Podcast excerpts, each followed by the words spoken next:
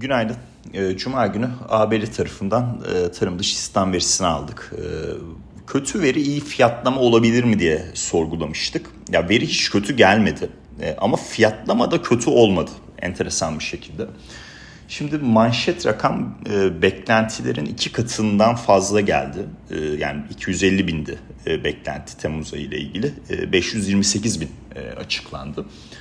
Detaylara baktığımızda yani işsizlik oranı gerilemiş 3.6'dan e, 3.5'e e, gerilemiş. Ya bunun da asıl nedeni e, tabii katılım oranının düşmesi. Maaşlar tarafına baktığımda hem aylık işte maaşlardan kasıt ortalama saat ücretlerden bahsediyorum. Hem aylık taraf hem yıllık taraf beklentilerin oldukça üzerinde açıklandı. Maaş bazlı enflasyon risklerinin olduğunu e, o ve devam ettiğine dair bir e, işaret bu. E, ve e, bu yapı tabii ki e, özünde e, Eylül ayı 75 bas puan faiz artışını destekleyen bir veri olarak karşımıza çıkıyor. Şimdi tabii bu e, normal olarak ne olması gerekirdi burada? Ya, dolar endeksinin güçlenmesi lazım. Bunu yaşadık. Tamam e, dolar endeksi güçlendi. Çok ciddi bir güçlenme değil e, ama en azından işte euro doları 1.02.50'lerden 1.02'nin altına indirdi. E, USD JPY'yi işte tekrardan 135 e, noktasına götürdü. Geri kalan diğer varlık fiyatlamalarına baktığımda yani örnek veriyorum mesela S&P 500 e, kritik destek seviyelerini korudu. 4090'ı korudu. Daha da önemlisi işte 100 günlük ortalaması 4120 civarında orayı korudu. Altın tarafı 1770 desteğini korudu. 10 ee, yıllık getiriler 2.85 direncini korudu. Dolayısıyla e, yani 75 bas puanlık faiz artışı olasılığı veri öncesi %30'lardan veri sonrası bugüne geldiğimizde %80'lere yaklaşırken dolar endeksi dışındaki diğer varlıklarda böyle bir fiyatlama olması e, açıkçası e, biraz bende de kafa karışıklığı yarattı. Yani şimdi durum şu hatta Bitcoin'de de 23 bin seviyesinin üstündeyiz. Yani o, o taraf da korunuyor. Şimdi bu yüzden bu veri bu veriyi biraz daha böyle kapsamlı düşünmek lazım. Kötü verinin iyi fiyatlanacağını biliyorduk. Ama iyi bir veri geldiği zaman da piyasanın bir noktadan sonra ya bu ay olmasa bile gelecek ay ondan sonraki ay bu tarım dışı istihdam elinde sonunda bozulacak diye bir noktadan sonra gene Fed'in frene basma e, kafa yapısını, temasını, stratejisini devreye alacağını biliyorduk. Ama ben bunun bu kadar hızlı gerçekleşebileceğini düşünmemiştim. Yani aynı gün içinde işte S&P'ye gelen satışların çevrilmesi, altının 1770 e, desteğinin korunması vesaire. E, veriyi şöyle değerlendirelim. Bu tarım dışı istihdam verisi aslında gecikmeli yansıyan bir veri. Her ne kadar aylık olarak ölçülse de ya bir ekonomi, ABD ekonomisi gerçek bir resesyona girdikten sonra e, tarım dışı istihdam verisinde ciddi olarak bozulma görüyoruz. E, yani ilk başta tarım dışı istihdam bozulup daha sonra ABD ekonomisi resesyona girmiyor. Gecikmeden kastım bu.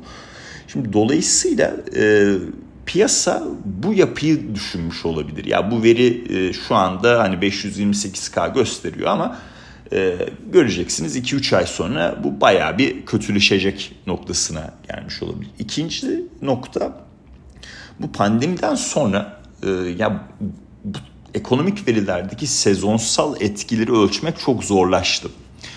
Şimdi bunun da şöyle bir e, durumu var. E, şimdi tarım dışı istihdam verisi iki tane anket üzerinden yapılıyor.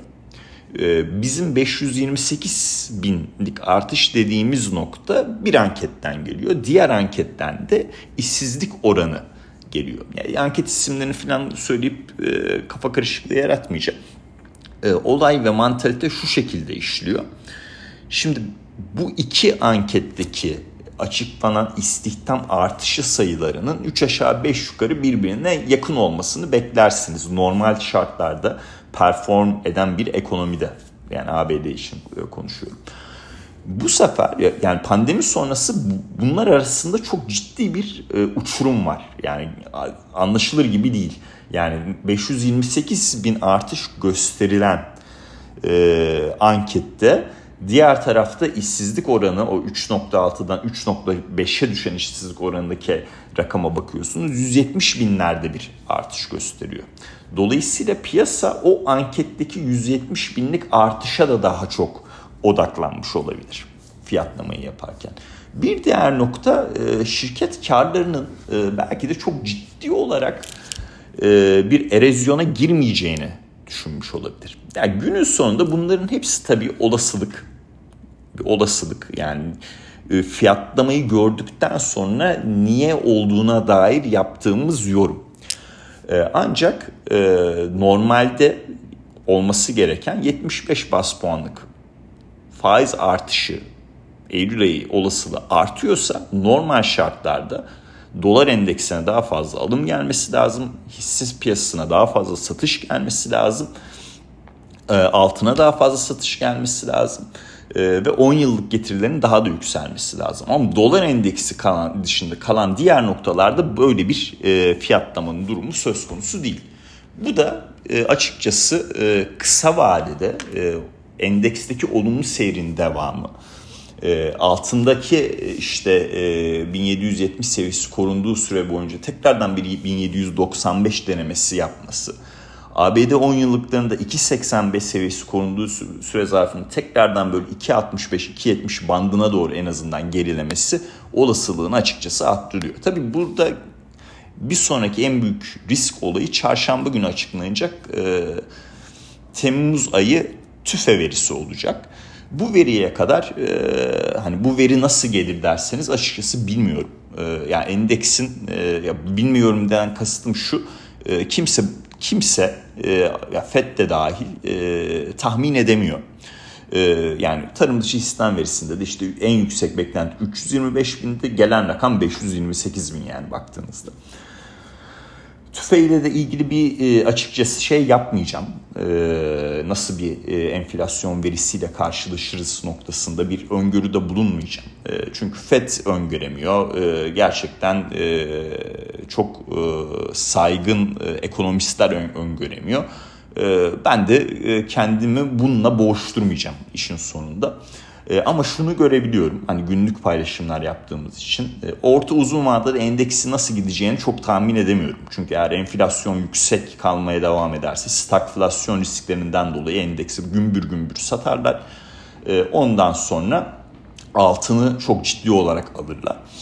E, ama kısa vadede e, hem 4090 desteği hem de 4120 desteği korunduğu için 4200-4220 seviyesine kadar en azından veri açıklanıncaya kadar, çarşamba gününe kadar gidebileceğimizi düşünüyorum. E, o bu olumlu fiyatlama bunu gösteriyor en azından benim e, tarafımda. E, diğer gelişmelere e, bakacak olursak hafta sonu e, bu ABD'de biliyorsunuz e, yeşil enerji paketi var. Demokratlar bunu geçirmeye çalışmıştı, geçirememişti. İşte çok büyük bir paket bu sadece yeşil enerji değil. İşte sağlık hizmetleri, sağlık sektörünün de ilgilendiriyor. Şirketlerin vergisel durumunu bir miktar etkiliyor. E, yani özünde de paketin ismi enflasyonla mücadele paketi yani öyle söyleyeyim. E, işte e, yeşil enerjiye 360 e, milyar dolarlık yatırım yapılmasının sebebi işte petrol fiyatları yüksek gidiyor. Hani e, o dönüşümü sağlayarak aslında enflasyonu aşağı çekebilmek e, günün sonunda. E, yani kongrenin kafa yapısı yani en azından demokratların kafa yapısı o. E, tabii bu e, diğer taraftan işte karbon salımını azaltmak e, işte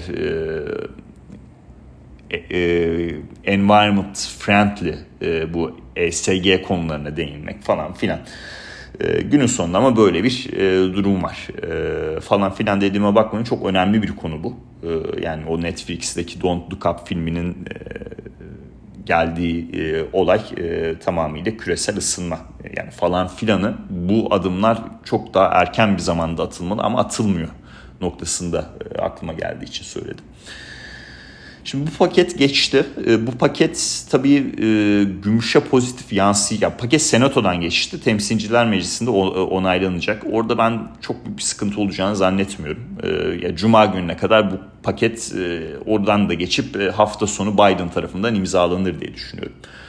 Şimdi bu yeşil enerji hisselerine pozitif yansıyacaktır. E, gümüşe pozitif yansıyacaktır. Gümüşte borsa yatırım fonu e, giriş çıkışlarına baktığımda 12 hafta sonra ilk defa artı bir e, durumdayız. Yani 12 hafta sonra gümüşe giriş olmuş önemli. Altın tarafında vadeli kontratlarda net kısadan net uzuna geçiş var. Önemli. Petrol tarafında net uzunda %11'lik bir düşüş var. Şimdi bu tabii bu bu şekilde değerlendirdiğimizde e, işte e, endekslere bir miktar daha alım gelmesinin bir sebebi bu paket olabilir. E, işte yeşil enerji hisseleri bu hafta iyi perform edebilir. Gümüş iyi perform edebilir. O şekilde izliyorum. Diğer taraftan ya bu Tayvan konusu yani çok değinmek istemiyorum. Çünkü yani gerçekten bir savaş konuştuk, e, konuşuyoruz 2022 yılında. E, hani başka bir e, durumda bir Asya tarafında gerçekten dünya için hiç iyi olmaz. Ama Çin oradaki askeri tatbikatlarını yaptı. İşte onu itibariyle bitiriyor olması lazım yanlış hatırlamıyorsam belki bugün bile olabilir. O tatbikatlarla ilgili olarak birçok haber akışı var ama günün sonunda piyasaları şu noktada negatif etkileyen bir şey yok. Bu daha bu, bu durum daha eskele olur mu? Olmaz mı? Yani onun yorumunu yapmak zor. Ee, işte Xi Jinping'i anlayabilmek için bir kitap okuyorum. O kitapta okuduğum kadarıyla e, bu lider e, stability'ye e, yani o düzgün gidişata çok önem veren bir lider. O yüzden fevri çıkışlarla ülke ekonomisini çok fazla sarsacağını zannetmiyorum. Ama bunları tahmin etmek çok zor oluyor. Çin tarafından söz açılmışken dün işte ticaret verilerini aldık. Çin rekor bir ticaret fazlası verdi arkadaşlar. Bu da olumlu bir durum Asya piyasaları ve ondan sonra genel gidişat için. Şimdi Özetlemek gerekirse bu haftanın en önemli olayı çarşamba günü açıklanacak tüfe verisi. Ee, Cuma günü açıklanan tarım dışı istihdam verisinde kötü veri olmadı. Ee, ama bu kötü veri de olmadı, iyi veri geldi ama iyi veri de kötü fiyatlamaya neden olmadı. Kısa vadede dolayısıyla çarşamba gününe kadar ben alımların biraz daha gelmesini bekliyorum endeksler tarafında. Yeşil enerji hisseleri bu hafta e, hareketli olabilir. E, o tarafa bakabilirsiniz. Onun dışında ben mobility hisselerini çok beğeniyorum. E, çok iyi rakamları çıktılar. İşte Uber, Airbnb, Lyft, DoorDash bu hisseleri gerçekten beğeniyorum. İyi de gidiyorlar e, açıkçası. Gümüş tarafı iyi bir hareket yapabilir. E, paketle bağlı olarak ve borsa yatırım fonu durumuna bağlı olarak. E, altın tarafında da uzun zamandan sonra, e, uzun zaman demeyeyim, geçen haftaki e, vadeli kontratlar poz, e, pozisyonlanmasında net kısadan net uzuna e, geçiş var. E, orta uzun vadeli fiyatlamaları öngörmek çok zor. E, çarşamba günkü veriye bağlı olarak e, biraz daha e, en azından e, Eylül'ü e, görmeye çalışacağız. Ama Eylül'ü gördükten sonra belki 75 bas puan da bile olsa piyasada şöyle bir düşünce de olabilir. Tamam sen burada da 75 yapıyorsun ama göreceksin işte daha da yukarı gidemeyecek noktasında ee, işte gelecek senenin ilk çeyreğinde bu sürecin biteceğini, faiz artış sürecinin biteceğiyle ilgili bir e, düşünceye de piyasa geçiyor olabilir. İzleyip göreceğiz. Kimse bilmiyor. Ee, yani e, stagflasyon riski çok gerçekten çok aşırı derecede var mı ABD'de? Ee, yoksa e, enflasyon verilerinde bu sıklaşmanın gecikmeli etkisiyle sert bir geri çekilme mi göreceğiz? E, ve bu riskli varlıklar için pozitif bir e, süreç mi olacak izleyip göreceğiz. E, tahmin edebilmek zor e, ama kısa vadeli e, paylaşımları yaptım. E, o gün geldiğinde de e, onu da paylaşırım zaten. Son olarak Bitcoin tarafından bahsedeyim. E, Bitcoin'de e, 23 binin üzerindeyiz. Olumlu bir e, durum bu. E, ben e, görüşümü koruyorum. Hani çarşamba günkü verinin ne geleceğini bilmiyorum açıkçası. Ama 50 günlük ortalaması 25 bin 26 bin aralığında şu anda 23 bin 600'deyiz. Bu noktaya kadar çıkacağını düşünüyorum. En azından veri öncesi bir 50 günlük pardon özür diliyorum bu 100 günlük 100 günlük özür diliyorum 100 günlük e, ortalamasını e, test edeceğini e, düşünüyorum. Aşağıda da izlediğim destek 50 günlük ortalaması 21.600 seviyesinde. O kadar uzun zaman 50 günlüğün altında kaldık ki yanlış söyledim.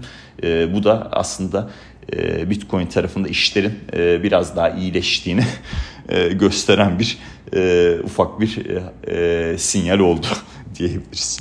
Dinlediğiniz için çok teşekkürler. Herkese iyi haftalar, mutlu seanslar dilerim.